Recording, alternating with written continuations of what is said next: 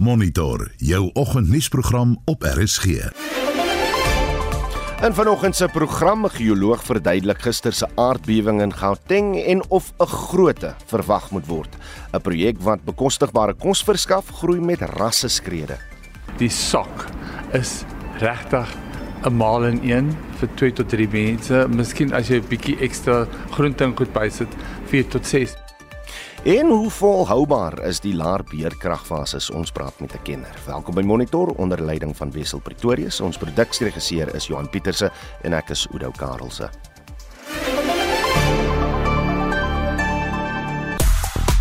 Novak Djokovic palm sy 23ste Grand Slam titel in. Suid-Afrikaanse kampioene by die Franse rolstoelope. Australië lig die toetskampioenskap trofee. Brad Binder blits vinnig in Italië en aan ons sport fokus gesels ons oor die Comrades Marathon. Ek is Shaun Jooste vir RSG Sport. Dokter Nandipa se gewilde hits vanoggend hier in Suid-Afrika nadat 'n Zimbabwese burger hier in hegtenis geneem is in verband met die ontsnapping van moordenaar en verkragter Thabo Bester, maar daar is ook, soos jy nou in die nuus gehoor het, besonderhede onthul in 'n eksklusiewe onderhoud met ons SAK nuusspan se Krisel de Loos oor hoe Bester terwyl hy nog agter tralies was saam met Magudumana, sekere dokters hier in Suid-Afrika gekil het met beloftes van sake geleenthede in die FSA.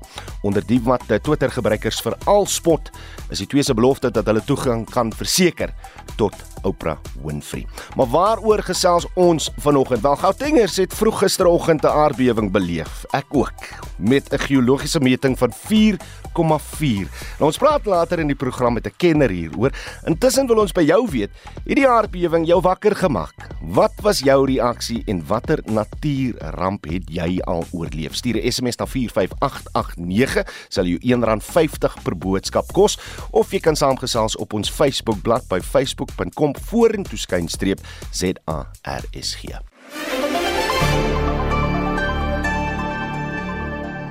Die veteran sokker afrigter Clive Barker is Saterdag in 'n Durbanse hospitaal oorlede na stryd met demensie. As nasionale afrigter het Barker die Afrika beker toernooi met Bafana Bafana in 1996 verower met die bynaam The Dog. Het Barker sedert die 1970s talle Suid-Afrikaanse klubs afgerig. Baker is in 1944 in Durban gebore en het hom op die ouderdom van 17 tot professionele sokker gewend. Hy het vir talle klubs gespeel, insluitend Durban City en Durban United, totdat 'n herhalende kniebesering sy belowende speelloopbaan beëindig het. Maar sy passie vir die spel het hom gedryf om sy afrigtingsvaardighede te slyp. Baker was die eerste wit bestuurder in die professionele sokkerliga wat Durban City, Manning Rangers en AmaZulu afgerig het. AmaZulu het hulle eerste bekeroorwinning onder Baker se leiding in 1992 gehad, toe hulle Kaizer Chiefs in die Coca-Cola toernooi geklop het. He's found him, just missed him. Wow, it's a goal! What a beauty, Colin. Well, Leon, what can I say? Die Suid-Afrikaanse Sokkervereniging het Baker na die nasionale span gelok na sy sukses by AmaZulu FC. Hy het Bafana Bafana gelei na hul eerste titel sedert internasionale isolasie en die Afrika Kampioenskappe in 1996 gewen. Baker gee krediet aan oud-president Nelson Mandela vir daardie oorwinning. People ask me that and they already expect to say that AFCON win going to France, but the biggest day for me was Nelson Mandela's inauguration. He said to us that he would come and watch us play on the very day he was became the president of this country, and I thought, God, it could never happen. But of course it did, and marvellous, and what he did for us, and he was the, the biggest factor why we won the African Cup of Nations. Fabulous. Hy het Bafana Bafana se wedstryd teen Brasilië in 1996 as een van die hoogtepunte van sy loopbaan genoem. Die Suid-Afrikaners het naalskraap verloor nadat hulle vir die grootste deel van die wedstryd met 2-0 voor was. Great cross bent. Oh, excellent goal from Bebeto. You know, so did he seems a We lost our way a little bit like that, but I think we did because we copied. Um, and I've always said to people, if we copy what the Italians are doing, you can never beat them. If you copy the Brazilians, you can never beat them. Although we were very close at one stage until I messed it up. When we had Dr. Kamala and we were 2 up in front. Onder Baker het Bafana Bafana in 1998 vir die eerste wêreldbeker toernooi in Frankryk gekwalifiseer.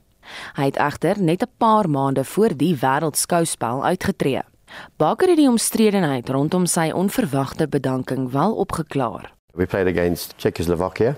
They were ranked number two in the world, and we drew with them. And then we got an adverse result, and eventually we played Uruguay, and we lost 4 3.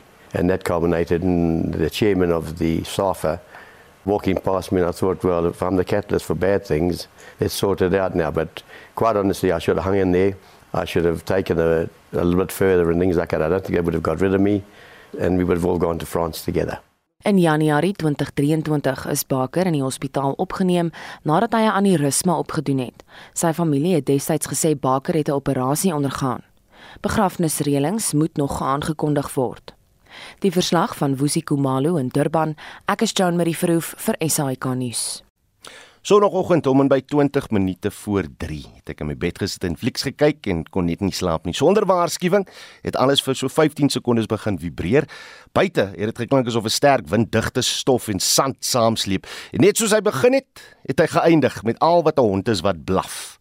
Nou talle ander Gautengers is gister vroeg gisteroggend deur aardbewing wakker gemaak. En volgens die Raad vir Geowetenskap het die skudding met sy episentrum in die oosrand 'n geologiese meting van 4,4 gehad. Ons praat nou met 'n geoloog, Dr. Gideon Groenewald. Gideon, goeiemôre. Môre hoe gaan dit goed? Nee, dit gaan goed. Dit was 'n baie interessante oggend gewees gisteroggend, maar baie van ons luisteraars hier en vra op Facebook of die aardbewing verbind kan word aan die mynbedryf. So nou wil ek net weet wat, wat was die oorsaak van gister se aard, aardbewing? Jong, my persoonlike mening is dat ons kyk moontlik na 'n uh, naskok van die Turkse groot skuwe van die plate want die Afrika plaat is deel van daai hele kompleks van skuwings. Uh die die aardbewing na my mening uh, is is te groot gewees uh om om om om kyk die ander oorsaak kon myn bedrywighede wees, maar ek dink is te groot gewees vir vir die die die goed wat myne veroorsaak. So so gaan julle nou as geoloog vasstel presies wat die oorsaak was of hoe?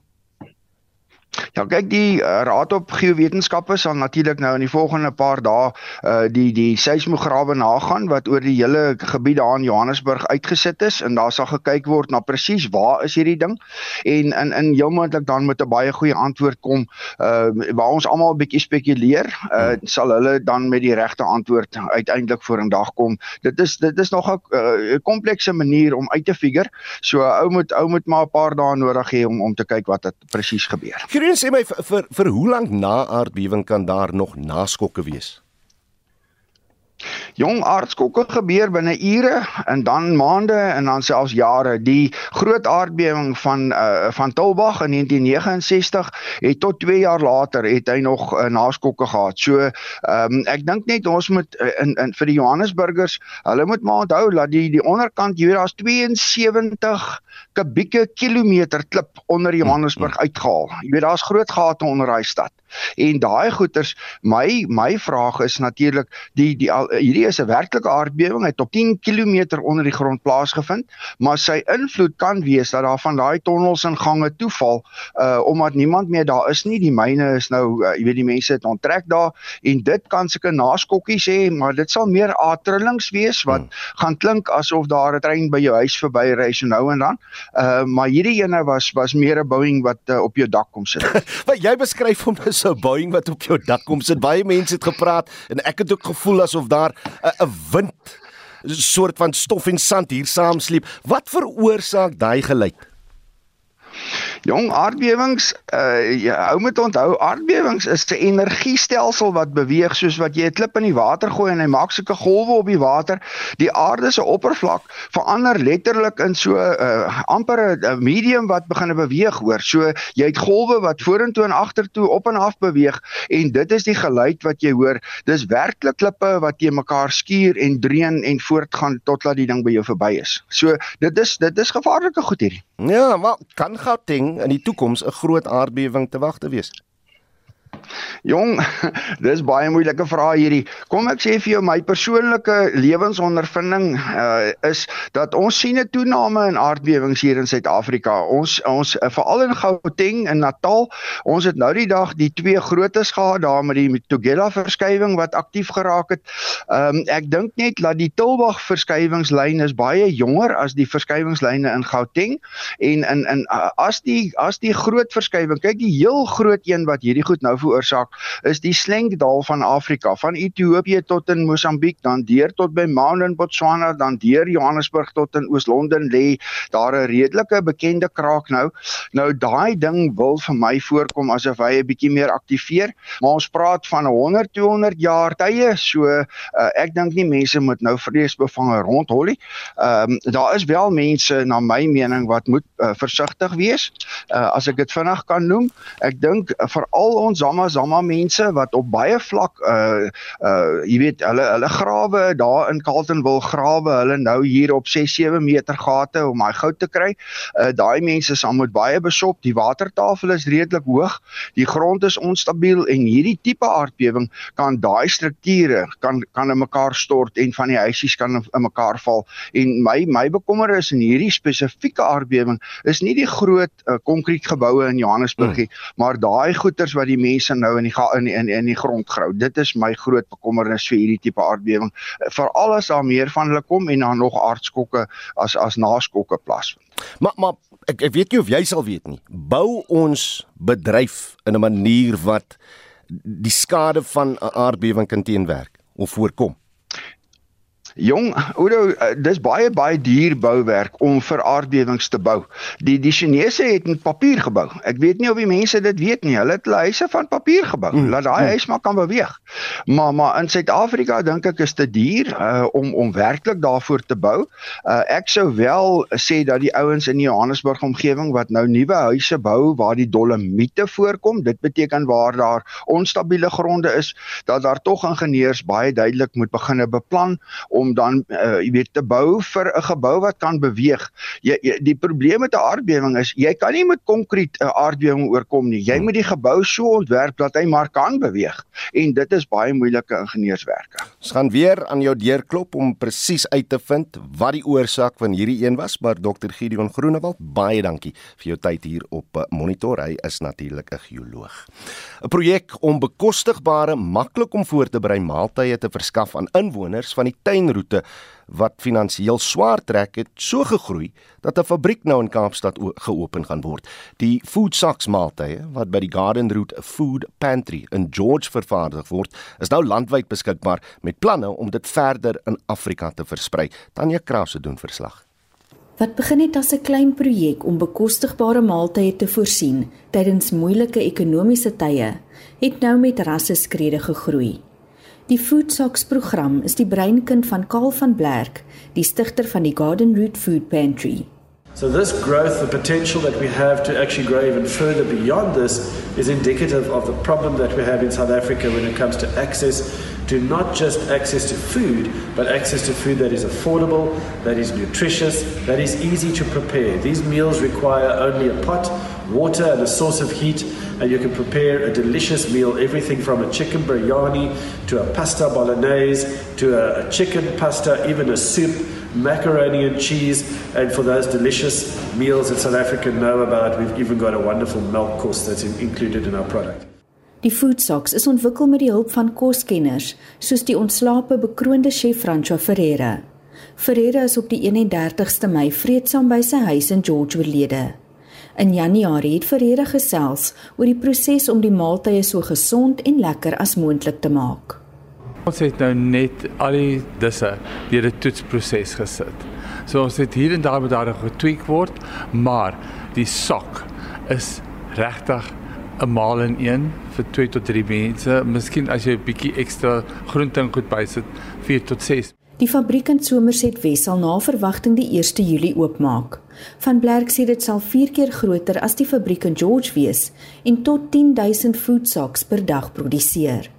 The affordability factor makes it accessible to everybody, and it also draws people into the economy by keeping it a sustainable project where people pay for food, they have the dignity of having purchased their food, but at the same time are upholding the economy that we're not giving handouts on a daily basis.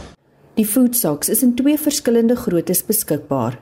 Teen R30 genoeg vir 2 mense en teen R40 wat 4 mense kan voed. Ek is Tanya Krause op George in die Weskaap.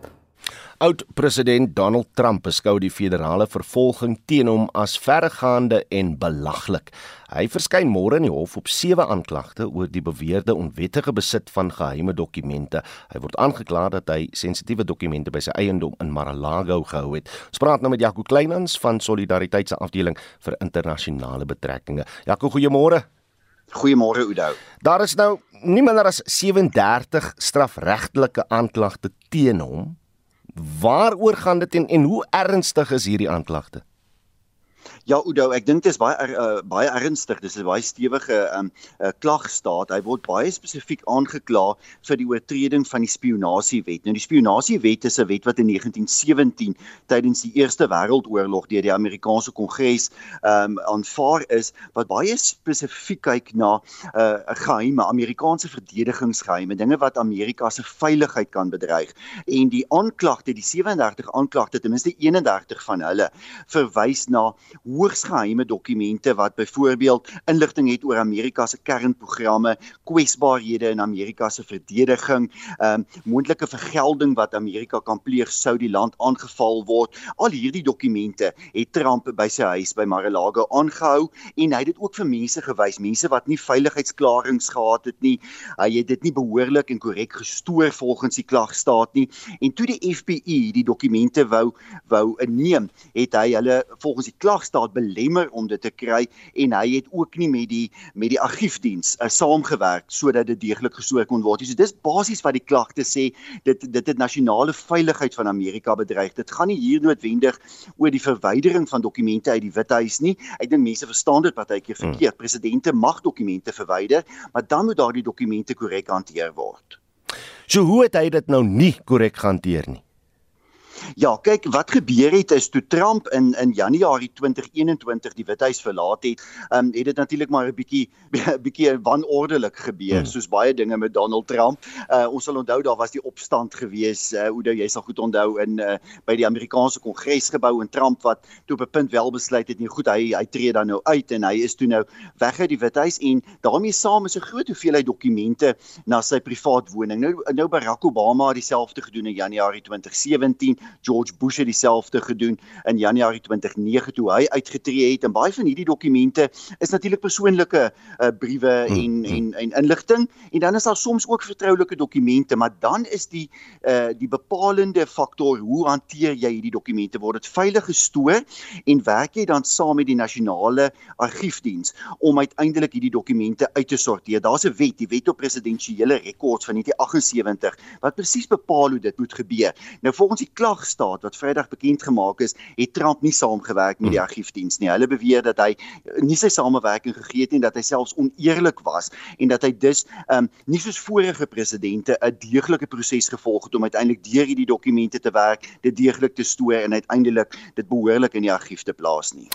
Sou hy skuldig bevind word, Jaco, watter tipe straf kan opgelê word? Ja, kyk, hy hy verskyn nou môre in hierdie federale hof in Miami, die die suidelike hof in Florida, uh, waar hy nou aanvanklik um, uh, aangekla sal word en ek dink ons moet aanvaar dat hierdie gaan 'n baie baie lang saak wees. Jy weet, dis 'n lang en ingewikkelde saak, 37 klagtes. Oudo soos jy gesê het, um, dit uh, gaan voor 'n jury, hy gaan voor 'n jury verskyn en en waarskynlik kan kan hierdie saak uh, die res van verjaar en tot volgende jaar voortduur en dis natuurlik 'n presidentsverkiesing. Hmm. Nou, uh, Trump um, uh, dink ek maak staan skade op dat hy volgende jaar weer verkies gaan word as as president natuurlik uh in November volgende jaar. Um indien hy skuldig bevind word op hierdie klagtes, dis natuurlik baie baie ernstige klagtes, um dan kan hy dan kan hy baie lank tronkstraf opgelê word. Dit is dis dis wesenlike uh wesenlike oortredings hierdie. Um Trump maak staat op um uh op op breedweg op wat hy beskou as dat hy die reg gehad het om hierdie dokumente te verwyder aan die een kant aan die ander kant maak hy baie sterk staat daarop dat die jury uiteindelik vir hom 'n uh, bietjie die die twyfel sal toestaan. Indien 'n mens ordentlik kyk na ontledings wat wat kenners die naweek gedoen het, moet 'n mens erken dat dat hierdie klagtes wesenlik is en dat indien um, die saak tot 'n einde moet kom voor volgende jaar se verkiesing Oudo dat dat Trump waarskynlik uh, groot moeilikheid in die gesig kan staan. Maar nou ja, dit ons sien reeds hoe hierdie hele kwessie verpolitiseer word, né? Maar maar maar dis die groot vraag is dit nie of of hierdie saak nou besleg sal word voor die verkiesing want Trump het Saterdag ook by 'n verkiesingsveld tog gesê dat die stappe neerkom op verkiesingsinmenging deur die korrupte soos hy dit stel FBI en departement van justisie en, en dat hy niks verkeerd gedoen het nie. sien jy dit ook so? Kyk, dit is die probleem nou Oudo as jy kyk na na die na daar's een peiling gedoen, een goeie nasionale peiling nadat hierdie klagtes nou gedoen is en 76% van Republikeine sê dat hierdie klagtes polities gemotiveerd is. So 'n groot meerderheid van Trump se ondersteuners sê hierdie is absoluut polities gemotiveerd. Trump se steun onder Republikeine het in die CBS peiling van 53% na 61% gestyg nadat hierdie klagtes bekend gemaak is. So jy sien hier 'n ongelooflike verdeeldheid. As jy dan aan die ander kant kyk na demokrate, hmm. dan is demokrate nog baie meer negatief oor Trump. Die mense wat hier betrokke is, die prokureur-generaal Merrick Garland, ehm um, uh, uh, is natuurlik juis iemand met wie Trump 'n lang pad van van van konflik het. Hmm. So ek dink ons moet hier baie eerlik wees. Ehm um, hierdie is wesenlike klagtes. Dis 'n baie baie sterk klagstaat teen teen Trump. As hierdie sake waar is, dan het Trump baie groot foute gemaak, maar ons sien reeds die verpolitisering van hierdie kwessie. Dit dra by tot die geweldige verdeeldheid in Amerika en ons moet moet eerlik wees hierdie kan lei tot geweld en konflik oor die volgende paar maande. Maar ma boonop is hy ook 'n groot toets vir die Republikeinse party. Gouverneur uh, van die Amerikaanse deelstaat Arkansas, Asa Hutchinson, het Trump versoek om as presidentskandidaat vir 2024 te onttrek nadat federale aanklaers besonderhede oor die klagstaat bekend gemaak het. Hoeveel hoeveel steun dink jy het hy binne die party?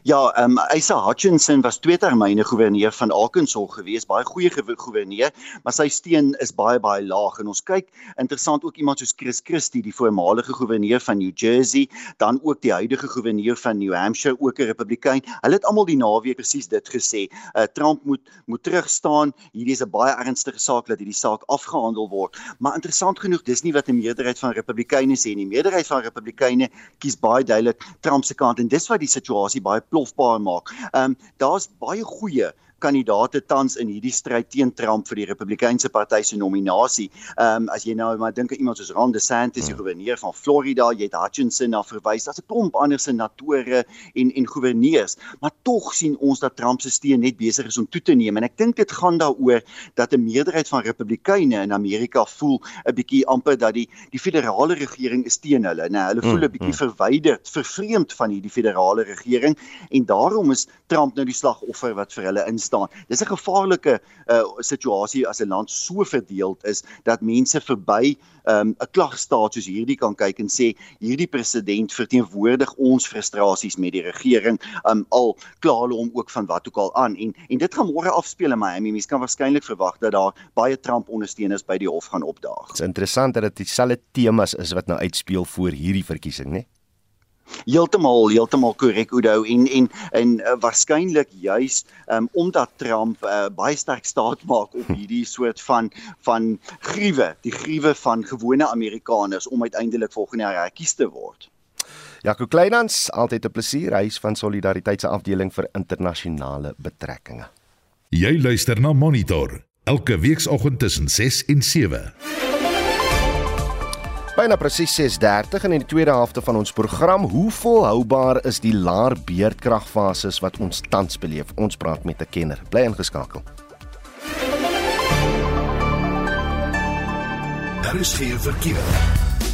In die Weskaap in Kaapstad staan 'n voertuig op die N2 stad in by die N2 N3 wisselaar. Twee bane word versper en jy kan vertragings daar verwag. En dan in Gauteng en Johannesburg op die N1 Noord by William Nicol-Rylaan staan 'n voertuig in die linkerbaan en op die N3 Suid by Van Buren staan daar ook 'n voertuig. Die noodbaan is daar onbegaanbaar. Jy kan enige verkeersnuus stuur na 45889 teen R1.50 per boodskap.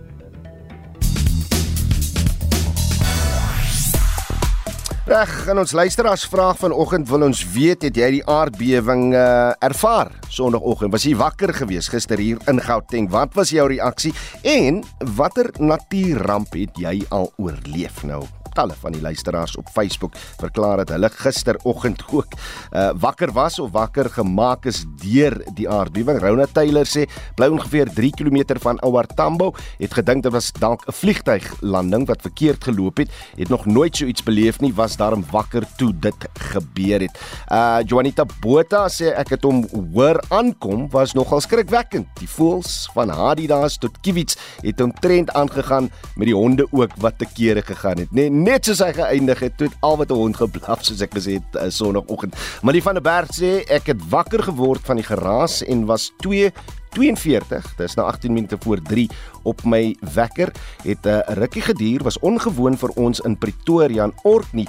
Het uh, mens altyd aan ondergrondse mynwerkers gedink en gehoop daar is niemand vasgevang nie. Nou as jy uh deur 'n natuurramp is, 'n natuurramp oorleef het, vertel tog jou storie asseblief. Laat weet, stuur 'n SMS na 4588919 R50 per boodskap. Jy kan ook lekker saamgesels op ons uh, Facebook bladsy en jy vind hom op uh, facebook.com vorentoe skynstreep ZARSG.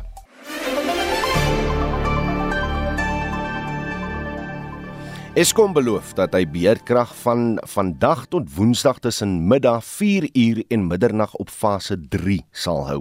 Tot 4 uur smiddag gaan daar voorlopig geen beheerkrag geld nie. Ons praat nou met 'n voormalige senior bestuurder by Eskom se transmissie afdeling, Hein Vosloo. Hein, goeiemôre. Goeiemôre Oudo. Wat is die redes vir die welkome toedrag van sake? ja, Oudo, jy weet uh uh ek dink in die eerste plek moet ons vir mekaar sê dat uh, daar's verskeie faktore wat uh wat lei tot hierdie beter toestand. Maar kom ons gaan gou-gou deur hulle. Hmm. Uh die eerste plek is dat uh die wind sien ons nou in die onlangse verlede hierso in uh April het tot 3000 megawatt opge, opgewek maar so oor die algemeen kry ons darm so 1 1 en 'n half uh, beerkrasfases uit die uit die wind uit. Mm.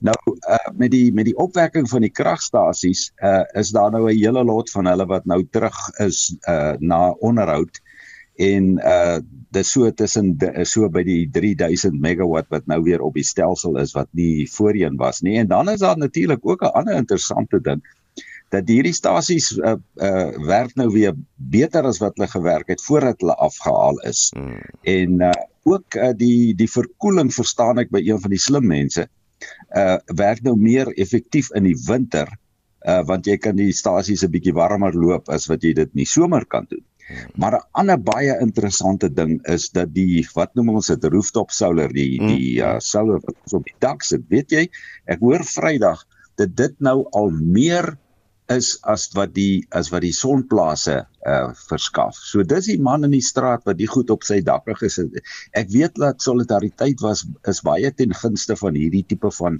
van opwekking. Uh so daar's nou daar's nou ook 'n hele klompie van die goed wat uh, wat beskikbaar is, maar natuurlik is hierdie in die middel van die dag en mens moet ook altyd die beperkings onthou van die netwerke wat hmm. nou nie eintlik ontwerp was vir hierdie goed nie.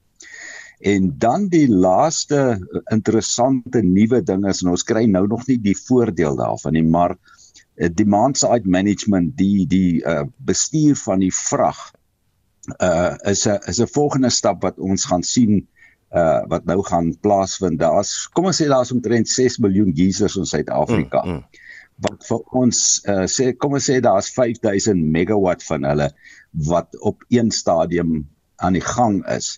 Nou uh daar is nou uh dinge wat gaan gebeur wat wat ons daai 5000 megawatt kan gebruik as 'n reserve. Met ander woorde as daar op 'n stadium kom wat ons dit nodig het, dan kan ons daai 5000 afskakel. En nou praat ek nie van hierdie uh smart meters en hmm. en daai goed nie. Hier is ouens wat ons verlede week gesien het wat wat 'n 'n nuwe klein a, a apparaat op jou geyser installeer. En hierdie ding kyk na wat is die vrag wat op die netwerk is. Hy gaan meet die frekwensie. En as die frekwensie onder 'n sekere ding is, dan skakel hy jou geyser af vir 'n vir 'n ruk tot laat daar nou weer 'n bietjie meer uh asemhaal in uh moontlikheid is op die netwerk. So ek dink wat ek vir jou wil sê is daar's verskeie goeters wat uh wat in plek is wat besig is om te gebeur. Ek, ek gaan nou net ja, weer vra want want van mense wat dit wat 'n siniese uitsig het oor hierdie dinge sal nou sê ja, ja. maar dis omdat ons ons krag opwekkingseenhede te warm laat loop soos jy gesê het. Is ja, is dit ja, nie, absoluut nie die geval nie. Nee, nie so ver as dit my kennis trek nie. Kyk, ek het nou nie insig wat in die kragstasie self gebeur hmm. nie. Maar ek het nou met mense gepraat wat daar werk en hulle sê vir my Hulle sê vir my uh, dat uh, jy weet die goed wat terugkom, uh, werk nou weer baie goed. Nou jy weet dis goed dat nou hulle oor die afgelope jaar of of 18 maande al aan die gang is. So ek uh, ek twyfel of dit dit is, maar onthou daar is nou ook al hierdie ander goed wat wat ook nou uh, bykom en wat 'n rol begin speel. Mm, mm. So kom ons hoop kom ons hoop dat hulle ry nou nie weer daai goeters in die grond in nie. Uh ek ek wil nou nie hier sit en vir jou sê onteenseglik dit is die geval. Absoluut. Ons hoop maar, dit is uh, ek, ons ja, jammer om jou in die rede te val. Ons hoop dit is of uh, volhoubaar. Maar maar nou ja, my vraag is ja. hoe volhoubaar is hy sonder 'n deeglike instandhoudings uh werk uh, skedule? Ongetwyfeld nie volhoubaar nie Oudo. Uh daai uh, kyk ons weet nie Amerikaanse geval dat waar daai goed baie goed onderhou word, loop daai masjiene amper vir ewig, jy weet. Hulle is 50 jaar lank. So ek dink uh, as ons kyk na die werk wat gedoen word, uh, wat wat Jan Oberholzer en die ouens doen, uh dink ek uh, ek dink ek hoop hulle die les geleer vir die vorige goed en uh, dat daar nie uh, jy weet te veel met die goed gepeter word en dat die uh, onderhoud uitgestel word. Hierdie onderhoud wat nou opgehef word is vir die winter en dis beplande uh, opheffing van die onderhoud. Hy voorsluit, dankie vir u tyd op monitor. Hy's 'n voormalige senior bestuurder by Eskom se transmissie afdeling. 'n Nederlandse kunstenaar het 'n mosselorgel in Durban gebou ter viering van Wêreldoseane Dag verlede week. Stef Veldhuis se installasie omskep die hartklop en beweging van 'n swart mossel onder 'n peer aan die strandfront in 'n simfonie van klank deur orgelpype. Die audiokunsinstallasie is een van die aktiwiteite van die Nederlandse ambassade in Suid-Afrika uh, wat hier gereël word om bewustheid oor klimaatsverandering te skep. Dries Liebenberg het vir ons meer besonderhede.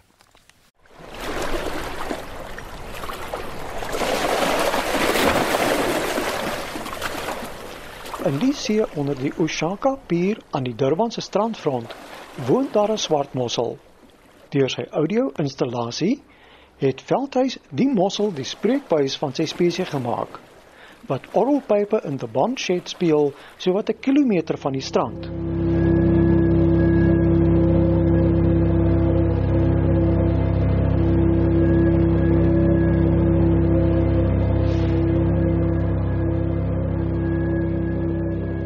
Dis hoe 'n tevrede mossel klink.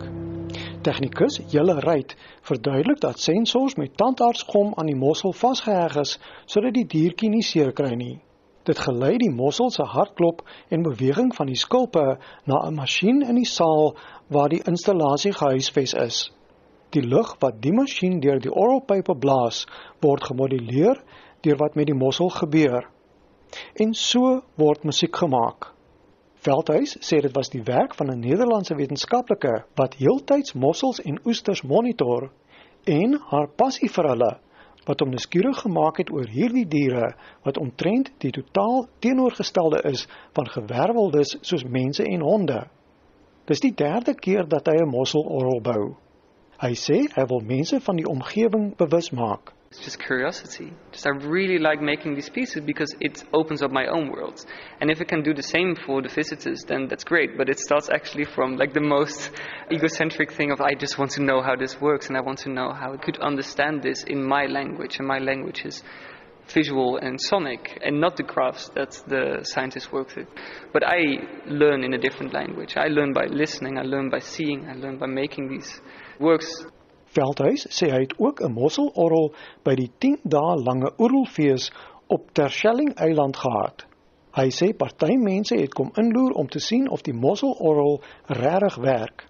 Ander het elke dag gekom om 'n paar minute in die geselskap van 'n mossel deur te bring. And the most beautiful one was actually from this philosopher, Jesse Riemersma, who wrote an article about the muscle organ, saying that he felt like being a child with its ear on the, its parent's chest, listening in on the heartbeats, the lungs, the gut growls that let them know that their caretaker is alive and healthy.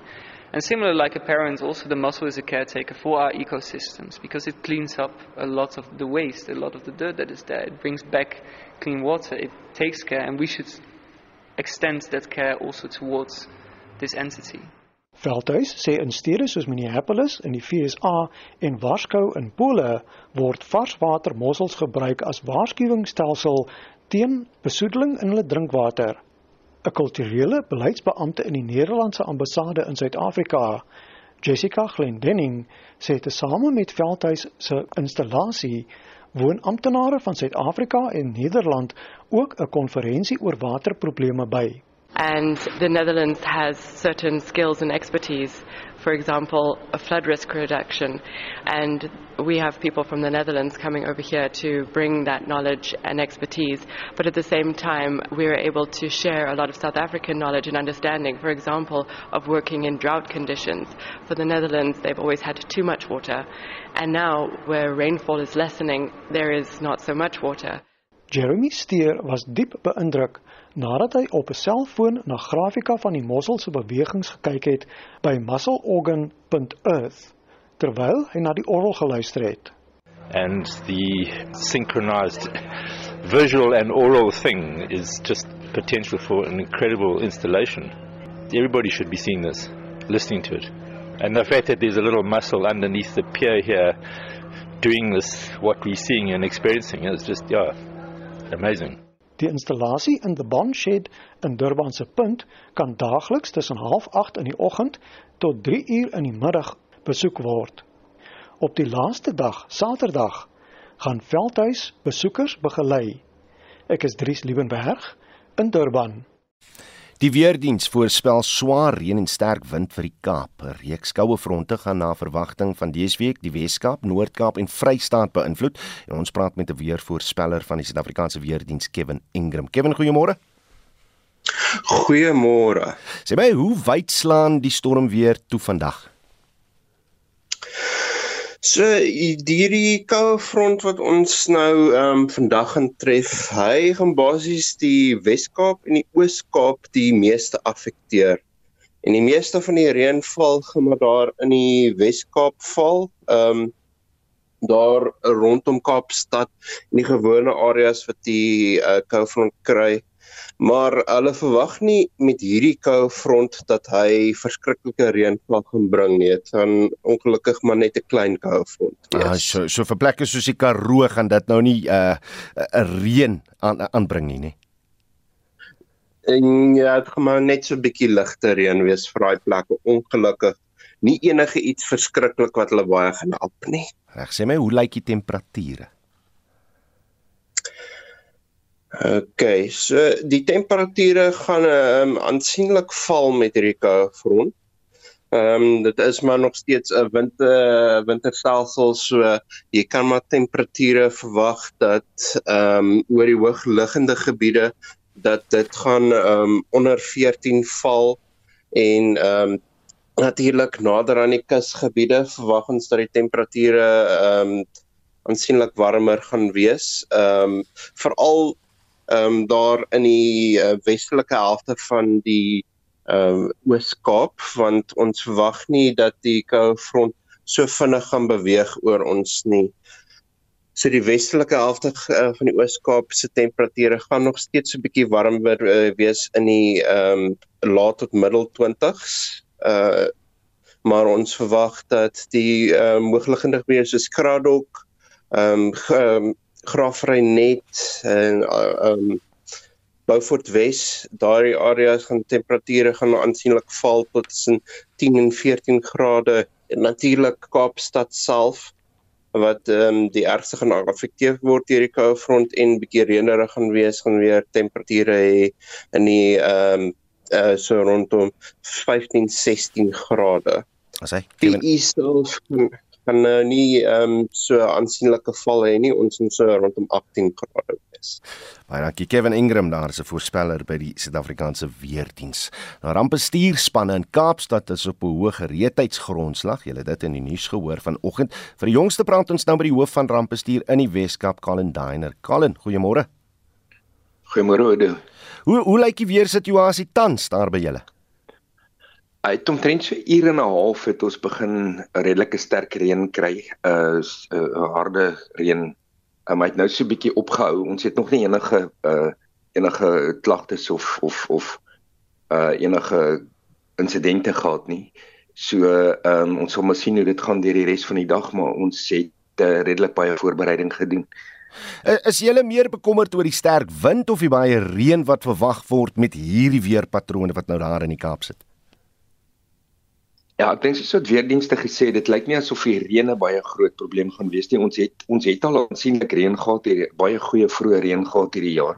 So daar is redelik grond wat vir die wat versadig is. So ek dink die wind en die en die koue weer is wat op hierdie stadium vir hierdie front dink ek is ons grootste bekommernis. Reg so, hoe groot is die span wat nou op gereedheidsgrondslag is en waarvoor het julle voorberei? Ja, kyk ons doen die begin van ons uh, van die winter doen ons ons wintergereedheidsplan en dit sluit in allerlei goed. Dit dit gaan oor ehm um, dreinerings uh uh, uh kanale oopmaak, seker maak hulle skoon dat die water vinnig kan deurbeweeg dat ons nie uh opbou het van water in enige plekke waar ons vloede kan kry. So daai werk is al lankal gedoen. Hmm.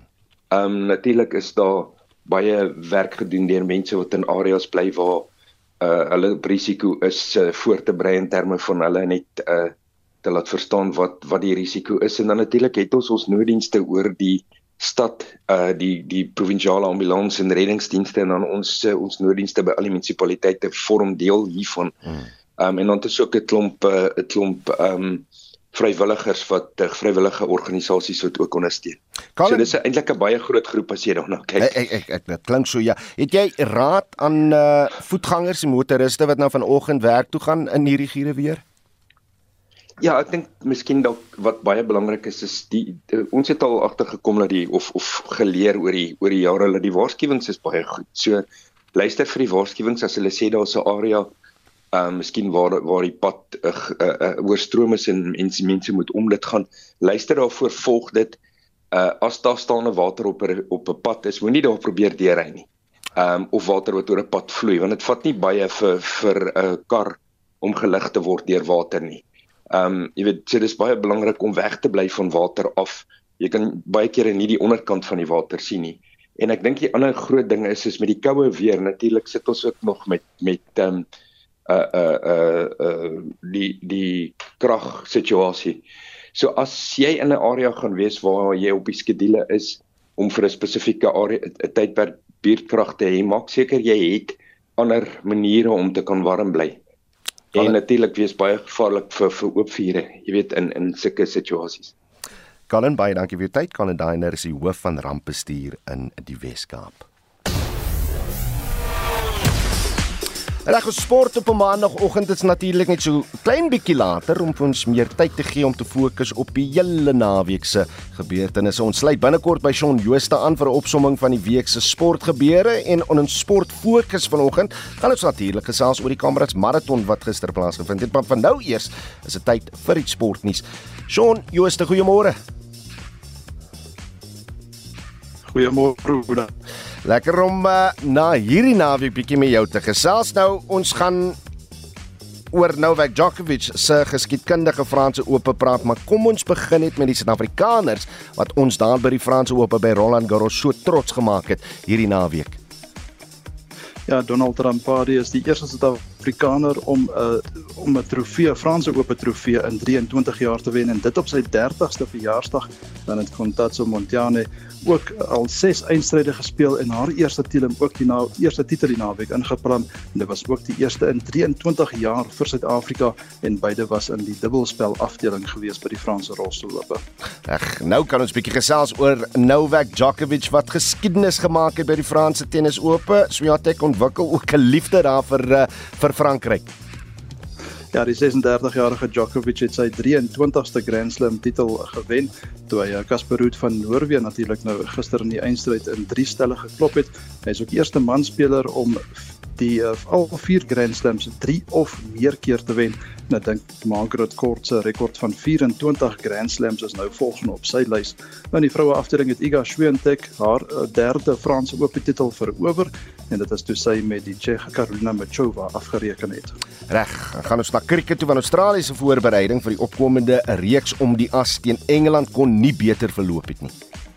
Ja, bowlers en kolvers het hulle deel gedoen in Australië het in die opdag 5 van die internasionale kriketraad se toetskampioenskap eindstryd met 209 lopies verpletter en daar is nou nie 'n enkele trofee wat Australië nog nie gelig het nie. Want die asreeks in en teen Engeland begin eerskomende Vrydag, dit is nou 16 Junie. Die top 4 in die Karibeker reeks vir die laaste groep wedstryde sal ook nou die halfeindstryde beslis, né? Ja, Cheetahs dankse hulle oorwinning oor die Bulle en die Haie se nederlaag teen die WP, eindig hulle nou bo aan die punte leer. Hulle takel die Bulle weer Saterdag, maar die keer in Bloemfontein terwyl die Haie uh, gasheer in Durban speel vir die Pumas. En is 'n blou maandag in Manchester, maar dis nou nie noodwendig 'n slegte ding nie. Ja, sit die Manchester City het Inter Milan Saterdag aand in die Europese Kampioenligga eindstryd met 1-0 geklop danksy Rodri se wendoel in die tweede helfte. Nou dit is natuurlik 'n driekens vir trofees. Hulle die FA beker en ook die Premier Liga uh, titels gewen. Manchester United is die laaste span om 'n driekens te behaal. Dit was in 1999 toe City derde vlak sokker gespeel het. En eh, Ducati domineer toe die naweek die MotoGP in Italië, maar wat het ons eie Brad Binder hierdie naweek verrig? Ja, Ducati en Italianer Francesco Bagnaia het natuurlik alle fasette van die naweek oorheers en ook hulle voorsprong op die puntelere gereg. Maar Suid-Afrika se Brad Binder is nou die vinnigste man in MotoGP geskiedenis. Hy het 366.1 km/h op sy KTM bal. Dit was in kwalifikasie en die vorige rekord met 2.5 km/h verbeter na uit 5de in die wedren geëindig. En dit dan Shaun Jooste van RSG Sport, maar vir nou eers ons sportfokus en twee Suid-Afrikaners het die mans en vroue afdeling van vanjaar se Kamerads maraton gewen en in rekordtye. Ons praat nou hieroor met ons atletiekskrywer en statistikus Real Houman. Real, goeiemôre. Goeiemôre Ulo. Kom ons praat eers oor Tete Dijana. Hy het sy tweede agtereenvolgende Kamerads gewen in 5 uur 13 minute 58 sekondes. Mario, vir diegene wat nou nie gekyk het nie, hoe kort op Dijana se hakke was die Nederlander Piet Weersma in tweede plek? Baie baie naby. Ehm um, toe hulle die stadion ingekom het was Wiersma net omtrent 10 meter of so agter Dijana. En toe skielik het Dijana besef dink ek uh, wat aan die gang is want hy die vorige paar kilometer het hy vir my vreeslik ongefokus gelyk. Maar toe hy agterkom dat Wiersma as agter hom toe hy met sy naloop na die einde toe begin en op die ou en die Nederlander moet net 3 sekondes geklop. En dit is die kleinste oorwinning sedert daai beroemde wedloop in 1967 toe uh, Manny Steyn vir Tommy Malone geklop het. So dit was so naby en ek dink Wiesma was baie teleeggestel met sy eie taktiek. Hy het eintlik so gesê hy moes vroeër begin het met sy eie poging. Fantastiese komrades hierdie jaar. Daar da was baie min kenners wat voor die wedloop gesê het Gerda Steyn gaan nie wen nie haar tweede Comrades in 5 uur 44 minute 54 sekondes bykans 10 minute 'n 10 minute reël beter as Frit van der Merwe se 1989 afrekord was fenomenaal ja dit Eh, fenomenaal. 'n Mens kan 'n halfuur lank praat oor Gerda ehm um, in die algemeen eh, dink ek, maar ehm um, ek wil eintlik net twee twee goed gou noem. Ehm um, sy is die enigste atleet man of vrou wat die twee oseane ultramaraton 4 keer na mekaar gewen het. Hmm. En in 2019 het sy die eerste vrou geword wat die opkomryds van Durban na Pietermaritzburg in onder 6 uur kon hardloop. En vir jaar het sy nou ook die afwedlooprekord soos jy gesê het van Fris wat 34 jaar staan het uh oortref. Ek dink 'n mens moet miskien net in perspektief stel oor Dijana hmm. en uh, Gerda. Uh die roete was jaar omtrent 2.2 km korter hmm. as toe Frith die rekord opgestel het, maar as mens kyk na die twee atlete se pas oor hierdie afstand van 87.7 km het Gerda so rapsie vinniger per kilometer as Frith gehardloop terwyl Dijana so rapsie stadiger gehardloop het as David Gatebi in 2016. Hmm. Maar dit nou tersyde, albei het rekords opgestel en daardie rekords staan. Reg, net laastens, waarop gaan Dijana en Stein nou al versier stel? Ek weet nie ek ek dink ehm uh, Dijana het uh, vroeër verjaar die 50 km wedloop in Port Elizabeth uh, gewen en 'n wêreldrekord opgestel. So hy het eintlik 'n baie suksesvolle jaar tot sover. Ehm um, ek neem aan hy sal later in die jaar 'n maraton hardloop en Gerda waarskynlik ook 'n uh, een van die groot stadsmaratons, uh, Berlyn of New York en dan volgende jaar sal Gerda dink ek mik vir die Olimpiese maraton in Parys. Maar wat fantasties is vir die wenners van Comrades, is die geld wat hulle daar wen, sal hulle in staat stel om dan maklik vir die res van die jaar nou mee te ding in in die groot wet, wedrenne reg oor die wêreld. Dit is waar. Albei van hulle het presies dieselfde uh, bedrag gewen, uh, 500 000 uh, rand vir die eerste plek, 500 000 rand vir die rekord en dan 200 000 rand as die eerste Suid-Afrikaners. Uh, dit wil sê 'n totaal van 1.2 miljoen rand. Maar ek wil hom net graag uh, aan die einde sê, 'n mens moenie vergeet van Adel Broodryk in die tweede plek nie. Dit was maar die eerste keer in die geskiedenis van die Comrades wat twee vroue atlete onder 6 uur gehardloop het. Adel was tweede in 5:56:26 en 'n mens moet onthou dat sy nie 'n professionele atleet is soos wat Gerda is nie. Sy's 'n werkende vrou en dan hardloop sy ook nog goed. Real, ek wil net sê dankie vir die opbou in die aanloop tot Comrades en vir die geselsie vanoggend. Dis atletiekskrywer en statistikus Real Houman. Reg vanoggend wil ons weet, het Sondagoggend se aardbewing jou wakker gemaak? Wat was jou reaksie en watter natuurramp het jy al oorleef? Op Facebook sê Maritjie Miles, ons het deur dit geslaap hier in Pretoria. Mense twee huise van ons af het die ervaring op die buurt se WhatsApp groep gedeel. Uh Laura Lou sê toe die Hardy daas hier 2:38 in die oggend begin skree, was dit woes interessant partyberigte sê 4.8 en ander 4.4 wonder wat was die ware telling. Want op die oomblik is dit amptelik 4.4 of 4.4 maar ons het by ons kenner gehoor vanoggend geoloog reg oor die wêreld gaan nou kyk na die uh, seismografiese uh, uh, inligting en binne dae sal ons weet presies hoe groot dit was presies waar die episentrum was en ook wat die oorsaak daarvan was. Maar deel mag gerus julle stories stuur SMS na 45889 sal jy R1.50 kos per boodskap of jy kan lekker saamgesels op ons Facebook bladsy. Ons groet namens ons uitvoerende regisseur Nicoline de Wee, ons redakteur vanoggend is Wessel Pretorius, ons produksieregisseur is Johan Pieterse en ek is Oudo Karelse. Geniet die res van die dag in die geselskap van RSG. Totsiens.